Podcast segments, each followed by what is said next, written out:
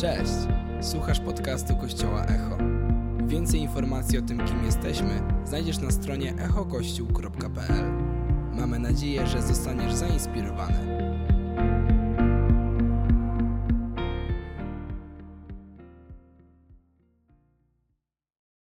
Jeszcze raz, czy mógłbym poprosić wszystkie osoby, które są dzisiaj z nami pierwszy raz, żeby pomachały do nas?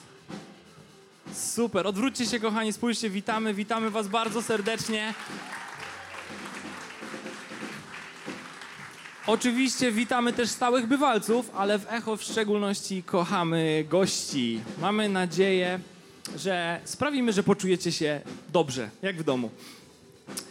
A mówię to dlatego, że kochani, dzisiaj temat y, nie jest typowy, nie jest prosty.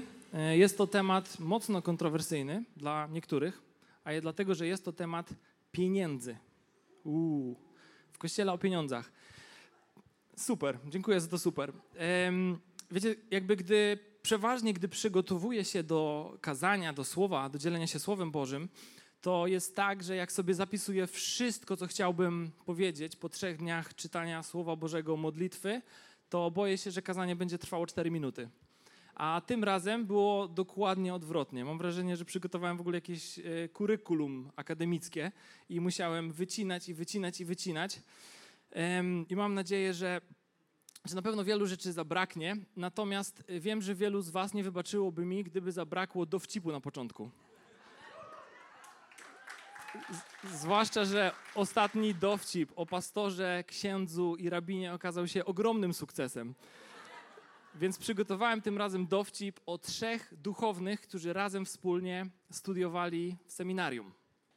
No i spotkali się po wielu, wielu latach przerwy i rozmawiają o życiu, o służbie, o prowadzeniu społeczności. I w końcu doszło do tematu pieniędzy. No jeden z nich zadał takie pytanie. No i właśnie, słuchajcie, jak to u was wygląda?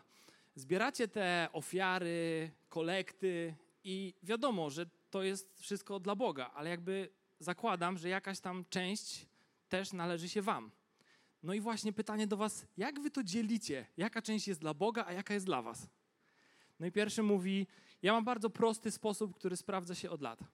Jak mam już całą ofiarę w koszu, fizycznie w gotówce, to rysuję na ziemi takie kółko, staję przed nim, tą ofiarę wysoko podrzucam i to, co spadnie do kółka, jest dla Pana Boga, a to, co poza kółko, to jest dla mnie. I ten drugi mówi, mmm, ciekawe, ja w sumie działam bardzo podobnie. Ja tylko, tylko w, podobnie, ale troszeczkę inaczej. Też rysuję kółko, podrzucam wszystkie pieniądze, które zebrałem, zebraliśmy i to, co jest w środku, to jest dla mnie, a to, co dookoła, to jest dla Pana Boga. A trzeci mówi, wiecie co, ja działam w zasadzie tak samo. Widać, że jesteśmy po tym samym seminarium. Mam taką samą metodę, tylko ja nie rysuję kółka. Ja podrzucam wszystkie pieniądze i to, co spadnie na ziemię, to jest dla mnie, a to, co Pan Bóg chce, to sobie weźmie.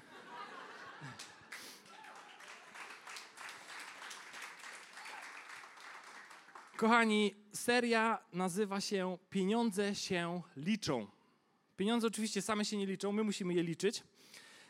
I chcielibyśmy w tej serii rzucić biblijne światło na temat pieniędzy, dlatego że wierzymy, że zarządzanie finansami i pieniędzmi to jest jedno z, uwaga, ważniejszych zadań, do jakiego zostaliśmy stworzeni, powołani. Dlaczego, dlaczego w ogóle, wiecie, to jest, i to jest co więcej, wierzymy w ogóle, że powinniśmy kierować się przy zarządzaniu pieniędzmi zarówno wiarą, ale też logiką. Więc jakby i chcielibyśmy też mówić o tym, że to wcale nie musi się wykluczać. To nie musi być albo, albo. I dlaczego mówimy aż cały miesiąc o pieniądzach? To jest bardzo proste. Dlatego, że Jezus o pieniądzach mówił w Biblii praktycznie tyle samo, co o modlitwie. Jezus w ogóle był praktykiem. Jezus, jak nauczał, to nauczał często w przypowieściach. I 16 z prawie 40 przypowieści jest konkretnie o pieniądzach. I wiecie, jak Jezus mówił, to mówił w sposób bardzo praktyczny. On jak opowiada, dlaczego opowiadał w przypowieściach? Bo ludzie je rozumieli. Ludzie byli w stanie zastosować w życiu to, co usłyszeli.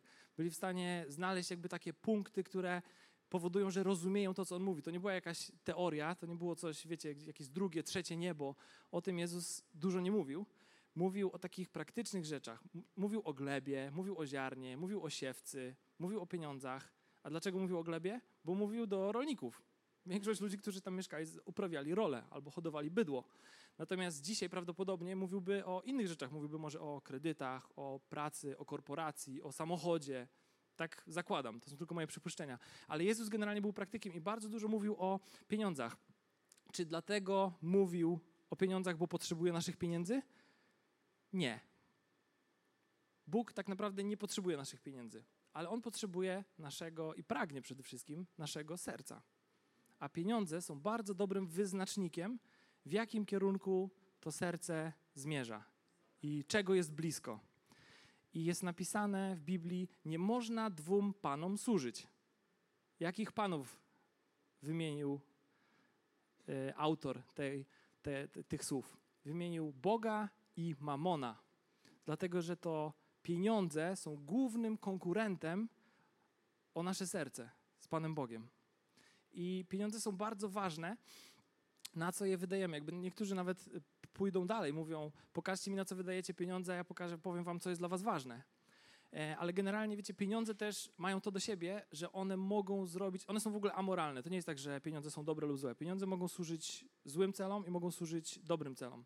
Ale jak już mówimy o tych dobrych celach, to dzięki tym pieniądzom, które są wspaniałym środkiem, o tym też powiem troszkę później, one są beznadziejnym sługą i beznadziejnym panem, gdy nami rządzą, czyli pieniądze są fatalnym szefem, gdy one nam decydują i dyktują, co mamy robić w życiu, ale są świetnym sługą, gdy my im mówimy, co, co możemy z nim zrobić. I wyświetlaliśmy kilka slajdów dwa tygodnie temu, mówiąc o tym, ile pieniędzy zebraliśmy na pomoc naszym braciom i siostrom za wschodniej granicy, z Ukrainy. I to jest, słuchajcie, prawie milion złotych na chwilę obecną. I można mówić, a pieniądze, taki nieistotny temat, ale wiecie co, ile my ton żywności byliśmy w stanie dostarczyć najbardziej potrzebującym, ile misji statutowych Kościoła, w ogóle biblijnego, zrealizowaliśmy, ile pomocy wdowom, sierotom, dzięki tym pieniądzom, tym papierkom zwykłym przekazaliśmy, pokazuje, że one naprawdę jednak mają wpływ. E, I dlatego, że Jezus mówił dużo o pieniądzach, my też mówimy cały miesiąc e, o pieniądzach w Kościele. Także, kochani, mam nadzieję, że jesteście gotowi. Tytuł dzisiejszej posługi, usługi to budżet zaczyna się od dziesięciny. Więc powiemy trochę o budżecie, powiemy trochę praktycznie o budżecie, powiemy też o tym, czym jest dziesięcina. I żebyśmy jakby, jak to mówią Amerykanie, żebyśmy byli, byli on the same page, czyli żebyśmy się dobrze rozumieli, jako wierzący ludzie, jako chrześcijanie biblijni, wierzymy, że wszystko, co mamy, pochodzi od Boga. Czyli to, co mamy, nasze pieniądze, nasza praca, nasz czas, nasze miejsce, w którym mieszkamy, nasze życie, wszystko dostaliśmy w prezencie od Pana Boga. Jest napisane nawet w Biblii, że pańska jest ziemia i wszystko, co ją napełnia. A ten czas, który został nam dany, i te talenty, które mamy, i te pieniądze, którymi możemy zarządzać, są jakby takimi po prostu zostały nam dane, żebyśmy my byli zarządcami tego, co zostało nam powierzone. Biblia używa nawet takiego, takiego słowa, że my jesteśmy szafarzami, czyli my jesteśmy zarządcami. E, my prowadzimy, my decydujemy, co z nimi zrobimy, prawda? Więc często się mówi, każdy z was jest liderem i to prawda, jesteś liderem, jesteś liderem swojego e, życia, decydujesz, co z nim zrobisz jesteś szefem firmy, działalności prowadzisz i zarządzasz finansami dla swojej własnej spółki. Twoja nazywa się Dariusz Pałasz, spółka ZO. E, I zarządzasz finansami. Jesteś za to odpowiedzialny. To jest twoja odpowiedzialność, Darku, dana ci od Pana Boga. I każdy z nas ma dokładnie tak samo. Niektórzy mają spółkę z ograniczoną odpowiedzialnością, niektórzy z nieograniczoną. Darek pewnie z nieograniczoną odpowiedzialnością, bo tak temu człowiekowi ufam. Ale w trzeciej księdze Mojżeszowej, w 27 rozdziale, 30 wersecie napisane jest tak. Wszelka dziesięcina z płodów ziemi, z plonów pól i owoców drzew należy do Pana. To świętość, jej właścicielem jest Pan. I wiele razy w Biblii, głównie w Starym Testamencie, ale nie tylko. W Nowym jest napisane, że powinniśmy jak najbardziej dalej stosować metodę, zasadę dziesięciny, że 10% tego, co mamy, kiedyś to, było, kiedyś to były plony, kiedyś to było owoce, kiedyś to było bydło, dzisiaj to są dla nas po prostu pieniądze. Jako ewangeliczni chrześcijanie my wierzymy, ja osobiście wierzę, że 10% tego, co zarabiam, co dostaję, oddaję Panu Bogu. W moim, w moim przypadku jakby ja wierzę, że jest to lokalny kościół, więc ja oddaję 10% moich dochodów na lokalny kościół, czyli oddaję to Panu Bogu. I warto jakby tutaj wspomnieć, dlaczego mówię oddaję, a nie daję, bo to nie jest tak, że ja robię Panu Bogu wielką łaskę, daję Ci, Panie Boże, te pieniądze, one są moje. Ja po prostu oddaję to jako symbol zaufania, pokazania Panu Bogu, że i, to jest, i to jest, wiecie, to jest zawsze mój pierwszy przelew w ogóle w miesiącu. To jest tak, że jest jakaś tam kwota, jaka by ta kwota nie była, zawsze 10% należy do Pana Boga i koniec. To jest po prostu, to jest jakby biblijna zasada dziesięciny. Jeśli ktoś z Was chciałby zgłębić temat, bo jestem świadomy, że jest to temat bardzo dla wielu ludzi może niezrozumiały, obcy, e, kontrowersyjny nawet bym powiedział, to bardzo mogę Wam polecić książkę e, pastora Roberta Morrisa. Ona nazywa się Błogosławione życie. I gdybym miał streścić tą książkę w kilku zdaniach, albo nawet w jednym, to z niej się dowiesz, jak pozbawić się błogosławieństwa i zmarnować swoje życie. Ale dowiesz się też, jak żyć takim naprawdę serio błogosławionym życiem, jak wycisnąć z niego maksimum. Między innymi dzięki hojności. Podtytuł tej książki to Odkryj nagrodę za hojność. Niesamowita książka, niesamowite historie. Y, bardzo, bardzo, bardzo Wam ją polecam. Jeśli chodzi o budżet i dlaczego mówimy o nim w kościele, często mówimy o zaufaniu Bogu, prawda, w sferze finansów. No i jakby jak się ma to zaufanie do planowania? Czy to nie jest tak, że jak ufamy Bogu, to co my będziemy planować? Przecież ufamy Bogu. On zaopatrzy i on spowoduje, że wszystko będzie ok, prawda? Dlatego, że ufamy mu bezgranicznie. Natomiast posłuchajcie, co Biblia mówi o planowaniu. W Łukasza, Ewangelii Łukasza, 14 rozdziale, od 28 do 30 wersetu. Bo kto z was, zbierając się do budowy wieży bądź domu, nie siada najpierw i nie oblicza kosztów, czy wystarczy mu na jej wykończenie. Nikt nie pragnie, by się okazało, że po założeniu fundamentów zabrakło pieniędzy na dalsze prace. Nikt też nie chce być wyśmiany przez ludzi mówiących: Ten człowiek zaczął budować, lecz nie był w stanie skończyć. W tych czasach to trudno zaplanować na przykład koszty budowy wieży, bo w międzyczasie zmieniają się dziesięciokrotnie, e, ale generalnie możemy założyć zawsze chociaż część tego, co jest nam potrzebne. I jeszcze trzy wersety i trzy wnioski w temacie planowania. Mądry się zastanawia nad wszystkim, co czyni. Przypowieści, 13, przypowieści Salomona 13, 16. Z kolei też przypowieści Salomona 15, 22. Gdzie nie ma narady, nie udają się zamysły, lecz gdzie jest wielu doradców, tam jest powodzenie. I ostatni fragment. Zamiary pracowitego przynoszą zysk, a wszystkich spieszących się biedę. Więc mądry się zastanawia nad wszystkim. Tam, gdzie jest wielu doradców, tam jest powodzenie i zamiary pracowitego przynoszą zysk. Powinniśmy planować, powinniśmy radzić się mądrych ludzi, a nasze decyzje powinny być przemyślane. I wiecie, wiem, że to może być rewolucyjne, ale to wcale nie musi się kłócić z zaufaniem Bogu. To, że planujesz, wcale nie znaczy, że ty nie ufasz Bogu. Dlatego, że tak naprawdę planując i budżetując, my, tak, my możemy zrobić więcej. Załóżmy na przykład, że nie mamy planu i co miesiąc pod koniec jesteśmy spłukani. I Pan Bóg mówi do nas: Chcę, żebyś pojechał na tą misję. Albo chcę, żebyś pobłogosławił tą osobę. Albo chcę, żebyś dorzucił się do, do zbiórki bądź częścią cudu, gdzie zbieramy na różne rzeczy. Albo chcę, żebyś wsparł kogoś z Ukrainy, lub skądkolwiek, z jakiegokolwiek innego państwa, ktoś, kto potrzebuje Twojej pomocy. Albo żeby chce, żebyś zaadoptował dziecko, cokolwiek, cokolwiek Pan Bóg Ci wkłada w serce, Ty jesteś niewolnikiem, bo Ty nie zaplanowałeś, Ty jesteś spłukany. Mój tata zawsze mówi, kryzysy się zdarzają, ale zanim, kryzysy były i będą, ale zanim gruby schudnie, to chudego już nie będzie. I my powinniśmy być przygotowani na różne sytuacje, zarówno trudne, które się wydarzają, ale też na, żeby być jakby takim dyspozycyjnym e, dla Pana Boga, gdy On nam coś wkłada w serce. A prawda jest taka, że bardzo często finanse są w stanie nas ograniczyć, prawda? I e, wiecie, żyjemy w takich ciekawych e, czasach, że obserwując, ja jestem z pokolenia milenialsów, z pokolenia Y dokładniej, i obserwuję moich rówieśników, bądź ludzi młodszych ode mnie, oni żyją zupełnie inaczej niż pokolenie moich rodziców, czyli ludzie urodzeni w 60 latach. To jest pokolenie moich rodziców, ja w 90.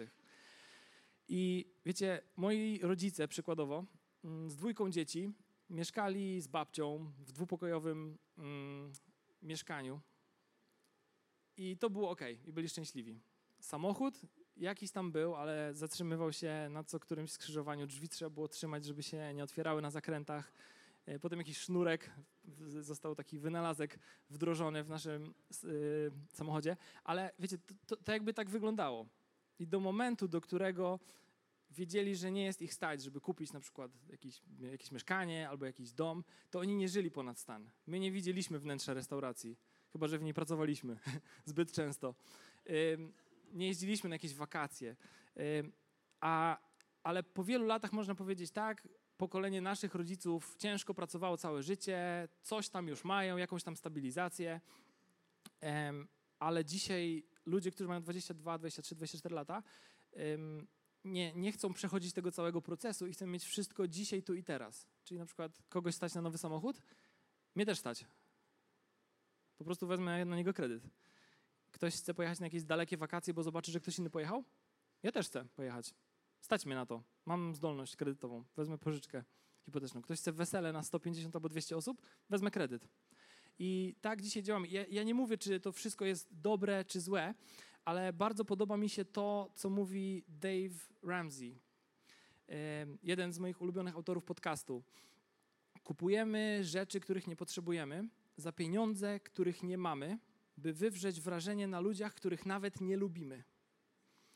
I bardzo często powtarzane też przez niego, przez Dave'a Ramsey jest to, takie, takie powiedzenie. Ludzie uderzaliby się młotkiem w palec znacznie częściej, gdyby ból był odczuwalny po roku to pokazuje jakby to, że nasze wszystkie decyzje, czy dobre, czy złe, mają swoje konsekwencje. Jak pracujemy, to nie uderzamy się zbyt często młotkiem w palec, bo po prostu wiemy, że to zaboli. Ale gdybyśmy, gdyby to było takie odroczone wszystko, to prawdopodobnie znacznie częściej byśmy się uderzali młotkiem w palec. A akurat decyzje finansowe są odroczone, zarówno gratyfikacja, ale też kara, którą przychodzi nam płacić. Czyli kupujemy nowego iPhone'a um, dzisiaj i dostajemy go już dzisiaj i mamy go dzisiaj. Super, mogę go używać już dzisiaj. Ale zaczynam płacić za niego w maju. Będę go spłacać przez 3 lata i zamiast 6 tysięcy oddam 12. Ale wiecie, już teraz tu i teraz się cieszę. I jakby potem to boli, strasznie boli. Potem ten iPhone już się roztrzaska w międzyczasie, już się popsuje, już chcemy nowy model, a te, te jakby raty, czy to, to, to nadal się za nami ciągnie i ciągnie i ciągnie. I Wiecie, jakby nie chcę, nie chcę żebyście mnie y, źle zrozumieli. Jakby długi, czy, czy długi konsumpcyjne są grzechem? Nie. Czy pójdziesz do piekła, bo wziąłeś kredyt na wesele albo na wakacje? Nie, absolutnie. Czy Bóg kocha cię mniej? Nie. Ale w przypowieści Salomona jest napisane, że dłużnik jest sługą, a nawet inne tłumaczenie mówi, że dłużnik jest niewolnikiem wierzyciela. I gdy masz taki finansowy komfort, pokój, to możesz tak naprawdę być efektywniejszy. Efektywniejszy w działaniu dla Bożego Królestwa. Masz więcej, żeby dawać. Wiecie, co się dzieje, gdy wydajemy mniej niż zarabiamy?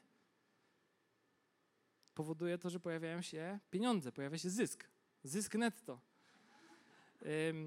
I ten zysk możemy przeznaczać na przeróżne rzeczy. Pamiętajcie, że jesteśmy szafarzami. My możemy dawać, Możemy wspierać na przykład inicjatywę powstawania nowego kościoła Echo w kolejnym mieście, który będzie docierał do ludzi z Ewangelią i pomagał i wlewał nadzieję w życie ludzi, którzy może jej nie mają. Możemy pomagać potrzebującym. Widzimy, co się dzieje za granicą naszą wschodnią. Możemy, możemy pobłogosławić kogoś, jeśli czujemy. Jesteśmy wolni. Nie jesteśmy niczemu nic dłużni jesteśmy po prostu wolni. jestem świadomy, że różne są sytuacje, ale generalnie pamiętajmy o tym. Dłużnik jest sługą wierzyciela. I wiecie, gdy jesteśmy wolni, gdy mamy jakieś pieniądze, mamy jakieś oszczędności, chociaż coś, to nie dość, że możemy dać, możemy pobłogosławić kogoś, możemy sami mieć jakiś taki pokój, spokój, to na przykład nienawidzisz swojej pracy, możesz ją zmienić bo nie żyjesz do pierwszego, do dziesiątego, coś tam masz. Stać cię chociaż na miesiąc, dwa lub trzy, żeby przeżyć, zanim znajdziesz nową. Dlatego, że jak będziesz nienawidził swojej pracy, tego, co codziennie robisz, przez wiele, wiele lat i to się, nie, i to się jakby nic, nic się nie zmieni, a ty dalej będziesz nienawidzić, to w końcu zaczniesz nienawidzić swoje życie. swojego życia. I czy będziesz wtedy pożyteczny?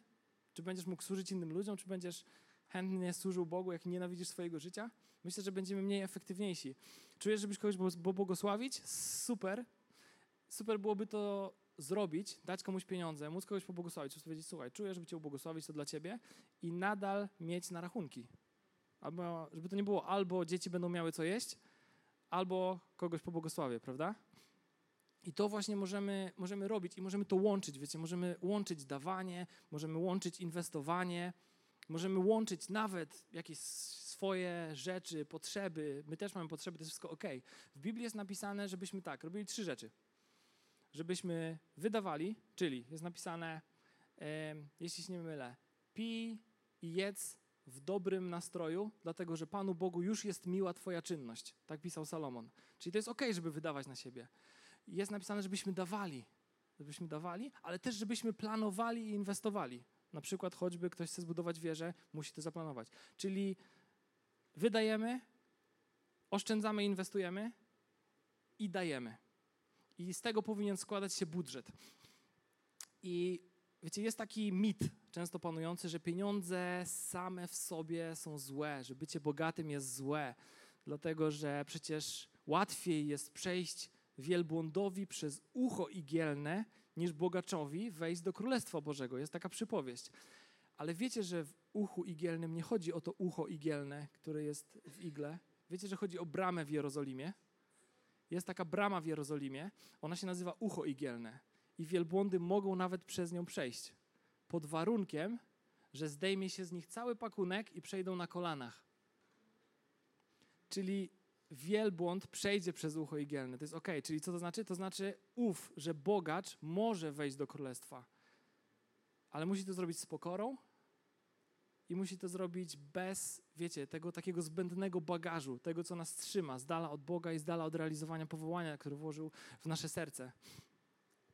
I to, że pieniądze same w sobie nie są złe, mam na to y, dziesiątki wersetów. Przeczytam y, wam zaledwie 3.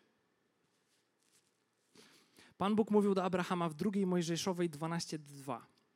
A wywiodę z ciebie wielki naród i będę ci błogosławił, rozsławię twoje imię i staniesz się błogosławieństwem.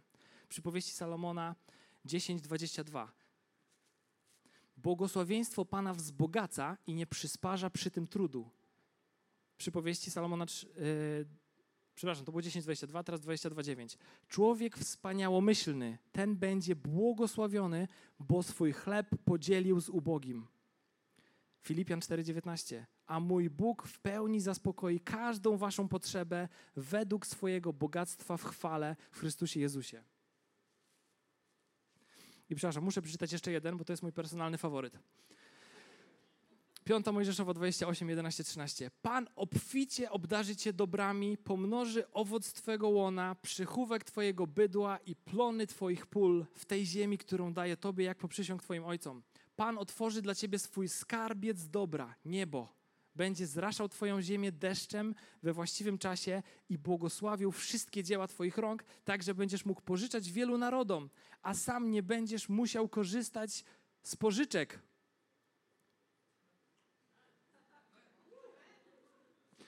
I kochani, więc pierwszy mit.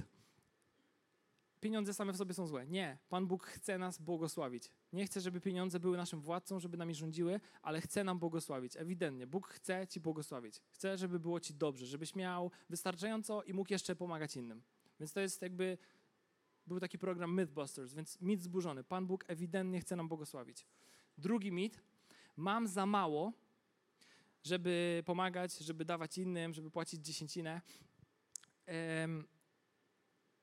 wiecie, niektórzy tak uważają, jasne, rozumiem. E, niektórzy uważają, to mi powinni dawać i pomagać. No nie ja, nie mam z czego przecież.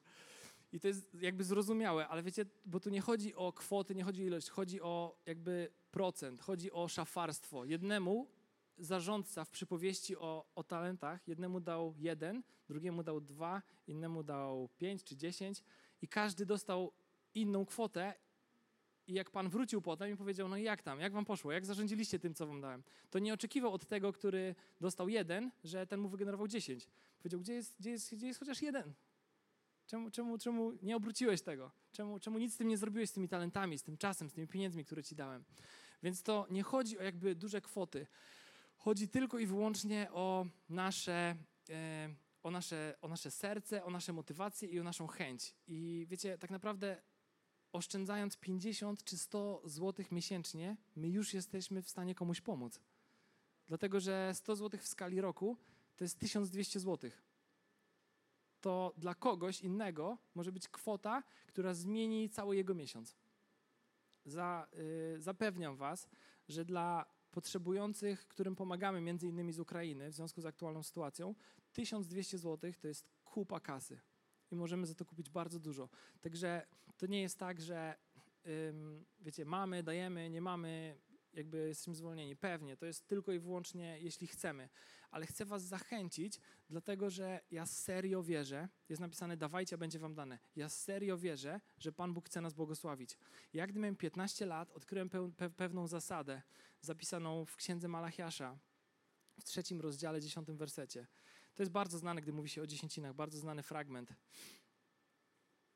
Przynieście do spichrza całą dziesięcinę, aby był zapas w moim domu, tak mówi Pan. I w ten sposób wystawcie mnie na próbę. Przekonajcie się, czy wam nie otworzę okien nieba i czy nie wyleję na was błogosławieństwa nad miarę. Zadbam o to, aby żaden szkodnik nie niszczył plonów waszej ziemi i nie uszczuplał zbiorów z winnic, mówi Pan zastępów. Za szczęśliwców uznają was narody, dlatego że wasz kraj stanie się uroczy. Kochani, to jest obietnica. W Biblii poza tym fragmentem nigdzie nie jest napisane, żeby wystawić Pana Boga na próbę. A tu jest napisane: przynieście całą dziesięcinę do spichlerza, do domu Bożego, w innym tłumaczeniu. I przekonajcie się, czy nie otworzę wam błogosławieństwa ponad miarę. Ja serio wierzę, jest napisane, że komu wiele powierzono, kto, przepraszam, kto jest wierny w małym, ten będzie wierny też w wielkim. I gdy my jesteśmy wierni w małym, to będziemy też wierni w wielkim. Jak gdy, I będzie nam powierzone więcej przede wszystkim, bo jesteśmy zarządcami. Nie jesteśmy właścicielami, jesteśmy zarządcami. Zarządzamy dla Pana Boga tym, co mamy. I wiecie, ja już teraz to było, oj, 17 lat temu. Miałem 15 lat. To było, tak jest, rok 2005, Ostruda, chrześcijański obóz, wieczór uwielbienia. Pamiętam do dzisiaj, to był pierwszy raz, kiedy tak, w tak potężny sposób doświadczyłem Pana Boga. I Biblia tamtego wieczoru dla mnie po prostu całkowicie ożyła. Prostu ja nagle, wiecie, wiecie jak to jest, jak się, ma, jak się coś wie, a potem właśnie nagle, jak jest to mu objawione, nagle dochodzi do niego, że to naprawdę, że to jest na serio, że wszystko, co jest napisane w Biblii, to naprawdę jest prawda.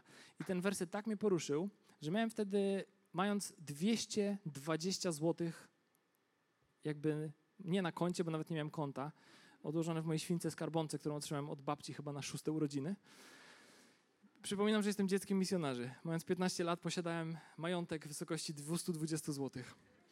I wiecie, ja postanowiłem, że od tego dnia, Panie Boże, ja wierzę w Twoje słowo, od tego dnia wszystko, ale to wszystko, co wpadnie w moje ręce, co najmniej 10% Ci oddaję. Co najmniej. Bo to jest tylko jakby czuję, że to jest mój taki, to po prostu chcę robić, a chcę więcej oczywiście, ale co najmniej. To jakby Panu Bogu obiecałem. I wiecie, czasami były takie właśnie spontaniczne akcje, że na pewnym nabożeństwie Pan Bóg poruszył mnie, żebym oddał wszystko, co tylko mam. Wszystko, wszystko, wszystko. Jakieś oszczędności na dwa miesiące. Byłem świeżo po wypłacie, byłem trochę sfrustrowany, bo naprawdę tak silnie to poczułem. Wiecie, bo mieszkałem blisko kościoła, wsiadłem na rower, pojechałem do domu. Były czasy gotówki. Wszystko wziąłem, co miałem i oddałem po prostu. Był, zdarzały się takie spontaniczne akcje. I dwa tygodnie później na losowa osoba spotkana na parkingu, pierwszy raz w życiu, nigdy wcześniej nie widziałem, zaproponowała mi, że użyczy swojego mieszkania za darmo na rok. Dwa tysiące, przepraszam, dwa, dwa, dwa tygodnie po największej próbie wiary, jakby chyba mojego życia, do wtedy. Później były grubsze akcje, ale to była pierwsza. Ja pamiętam, jak, jak walczyłem z myślami, ale Panie Boże, skoro wszystko jest Twoje, ja Tobie ufam. I pamiętam, zrobiłem to. Nigdy nie pożałowałem ani tej decyzji, ani tej, że będę oddawał dziesięcinę na Boże cele po prostu zawsze. Wierzę, że jestem tylko zarządcą, jestem tylko szafarzem. Panie Boże, to wszystko i tak, i tak jest Twoje. Ja nic ze sobą nie zabiorę. Przyszedłem goły, wyjdę, wrócę goły, nic ze sobą nie zabiorę, to nie będzie miało żadnego znaczenia. Ale przez te, napisałem sobie przez te 15 lat, ale już to jest 17 lat, odkąd podjąłem tą decyzję. Pan Bóg aż sobie to zapisałem, błogosławił mnie wielokrotnie, wysyłając ludzi, którzy za mnie płacili. Wysyłał przelewy od skarbówki, które wydaje mi się, że mi się nie należały. Potem oczywiście dzwoniłem, żeby wszystko wyjaśnić, ale nie chcieli pieniędzy z powrotem. Ludzi czujących, że mają mnie pobłogosławić finansowo. Jednym z moich hitów jest bezdomny człowiek z gotówką, człowiek, który wyszedł z ośrodka Wiem, że bezdomny dający komuś coś innego w Polsce brzmi śmiesznie aktualnie, ale naprawdę człowiek, który jest bezdomny z ośrodka, dał mi równowartość 200 zł. Po prostu. Powiedział, bo chce mnie, chce mnie pobłogosławić. W bardzo dziwnych okolicznościach zdobywałem pracę. Jadąc na rowerze spotkałem swojego pracodawcę. E, byłem na rozmowie kwalifikacyjnej, w trakcie której wyszło, że obcy ludzie to osoby kochające Boga i wierzące i podzielające ten sam system wartości. Spotykałem anonimowych sponsorów, którzy z własnej inicjatywy płacili na misjach za moje hotele, za moje loty, za wyjazdy, za konferencje. Człowieka, który spełnił moje marzenie i obdarował mnie wymarzonym sprzętem. Bogatą żonę.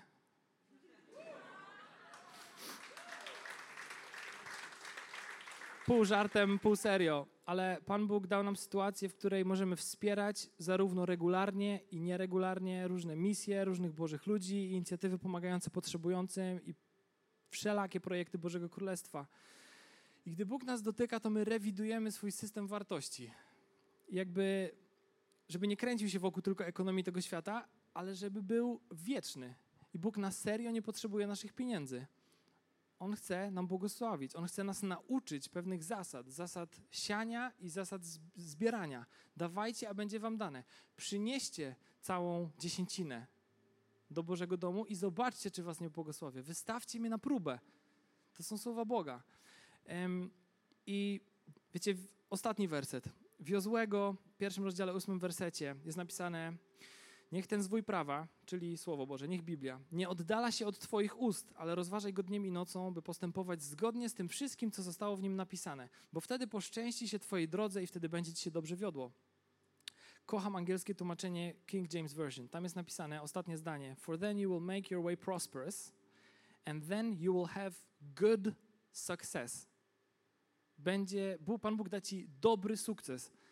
Wiecie, co to znaczy? Że Pan Bóg, jak Pan Bóg daje dobry sukces i jest mowa o dobrym sukcesie, to znaczy, że jest też zły sukces. Czyli na przykład możesz mieć kupę kasy, ale nie masz kontaktu z rodziną. Albo czy te super wypasione wakacje i drinki przy palemce tak dobrze smakują, kiedy jesteśmy skłóceni z rodziną, z najbliższymi, kiedy nie mamy pokoju, kiedy pracujemy 20 godzin na dobę i żyjemy w ciągłym stresie? Niekoniecznie. I dlatego Pan Bóg chce nas błogosławić. Błogosławieństwo nie zawsze oznacza jakieś ogromne bogactwo, ale będąc błogosławionym, zawsze będziesz miał wszystkiego pod dostatkiem, na wszystkie swoje potrzeby, nawet na swoje zachcianki. Jest napisane, że rozkoszuj się Panem, a da ci, czego, życzy, czego pragnie Twoje serce. Więc nawet jakieś Twoje zachcianki może też będą spełnione, ale przede wszystkim będziesz mógł żyć tak, żeby być też błogosławieństwem dla innych. I to, co po sobie zostawisz, będzie miało znaczenie. Dlatego, że to, ile nakupisz nieruchomości inwestycyjnych, y, nie do końca będzie miało znaczenie po drugiej stronie, czyli po śmierci fizycznej. Y, nie zaimponujesz Panu Bogu ani aniołom, mówiąc, zgromadziłem 10 albo 100 milionów, albo nawet milion, ilekolwiek. Tym nie zaimponujesz. Ale możesz zaimponować, bo jest napisane w Biblii, że Pan Bóg był pod wrażeniem czyjejś wiary. Możesz zaimponować Bogu tym, co zrobiłeś z tym, co miałeś, tym, jak wykorzystałeś to, co zostało ci dane. Czyli może ktoś być, kto przeżył całe swoje życie skromnie, nie wyglądał na nikogo, wiecie, na jaki, był takim przeciętniakiem, a on będzie w niebie bohaterem, bo on lepiej zarządzał tym, co miał od kogoś, kto wyglądało że ma się super. I do tego nas zachęca Biblia, żebyśmy tak właśnie żyli, żebyśmy nie gromadzili sobie skarbów tutaj. To jest wszystko ok, to jest wszystko super. Te rzeczy ziemskie, im więcej ich mamy, tym, tym, tym lepiej tak naprawdę, jasne. Tym więcej możemy zrobić, tym możemy być bardziej niezależni, tym więcej możemy dać, tym, tym bardziej możemy e, sami też korzystać. To jest wszystko super. Ale nie zapominajmy, po co żyjemy jako ludzie wierzący w Boga. I to jest napisane w Słowie Bożym. Żyjemy dla wieczności. I te rzeczy tutaj nie będą miały tam większego znaczenia. Ale to, co zrobiłeś z tymi rzeczami, będzie miało ogromne znaczenie.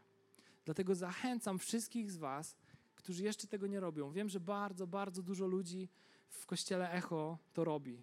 Mamy, jesteśmy niezmiernie hojnym kościołem i prawie milion zebrany na Ukrainę jest jednym z dowodów, z tego dowodów, tylko od marca do dziś, ale też to, co teraz się dzieje, to, że teraz jesteśmy w trakcie takiego miesiąca, kiedy zbieramy na nowy Kościół Echo. Kochani, muszę wam powiedzieć, że naprawdę jesteśmy, ja, ja, ja się czuję ubłogosławiony, będąc, część, będąc częścią takiego Kościoła, który jest tak hojny i ma taką perspektywę. I oczywiście możemy powiedzieć dziękujemy wam wszystkim, ale wiemy, że to robicie dla Boga. I to dziękuję nie ma aż tak wielkiego znaczenia.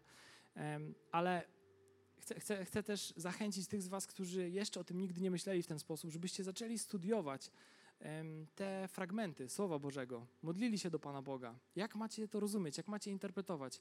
Bardzo polecam błogosławione życie i pamiętajmy, że żyjemy nie dla skarbów na ziemi, a dla skarbów w niebie, dla skarbów po drugiej stronie.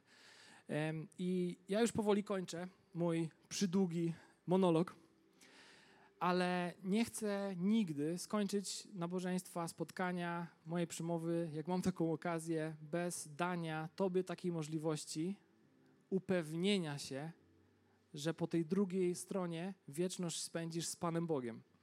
Dlatego, że wierzymy, że zbawienia, na zbawienie nie da się zapracować. Dziesięcina, dawanie, niedawanie, hojność, brak hojności to nie jest kwestia zbawienia to jest kwestia po prostu lepszego wykorzystania naszego życia tutaj na ziemi. Kwestia zbawienia to jest kwestia wiary. Jest napisane w liście do Efezjan, że zbawieni jesteśmy z Bożej łaski przez wiarę. Przez wiarę w co? Przez wiarę w Ewangelię. Czyli w, w to, że Pan Jezus, będąc Bogiem, przyszedł na ziemię, oddał swoje życie za każdego z nas, abyśmy my nie musieli już dłużej ponosić konsekwencji swojego grzechu. I co my musimy zrobić, żeby dostąpić tego zbawienia? Nie zapłacić dziesięcinę, nie dać więcej na tacę, nie być lepszym człowiekiem, ale uwierzyć. Wiara to jest, wiecie, to jest Biblia, to jest Ewangelia, to jest wszystko tutaj dane. Wiara to jest nasz podpis pod tym kontraktem. My wierzymy w to, tak, przyjmujemy to, dostępujemy zbawienia. Zbawieni jesteśmy z łaski przez wiarę. Dziękujemy, że byłeś z nami. Mamy nadzieję, że zostałeś zainspirowany. Więcej podcastów możesz posłuchać na naszej stronie echokościół.pl.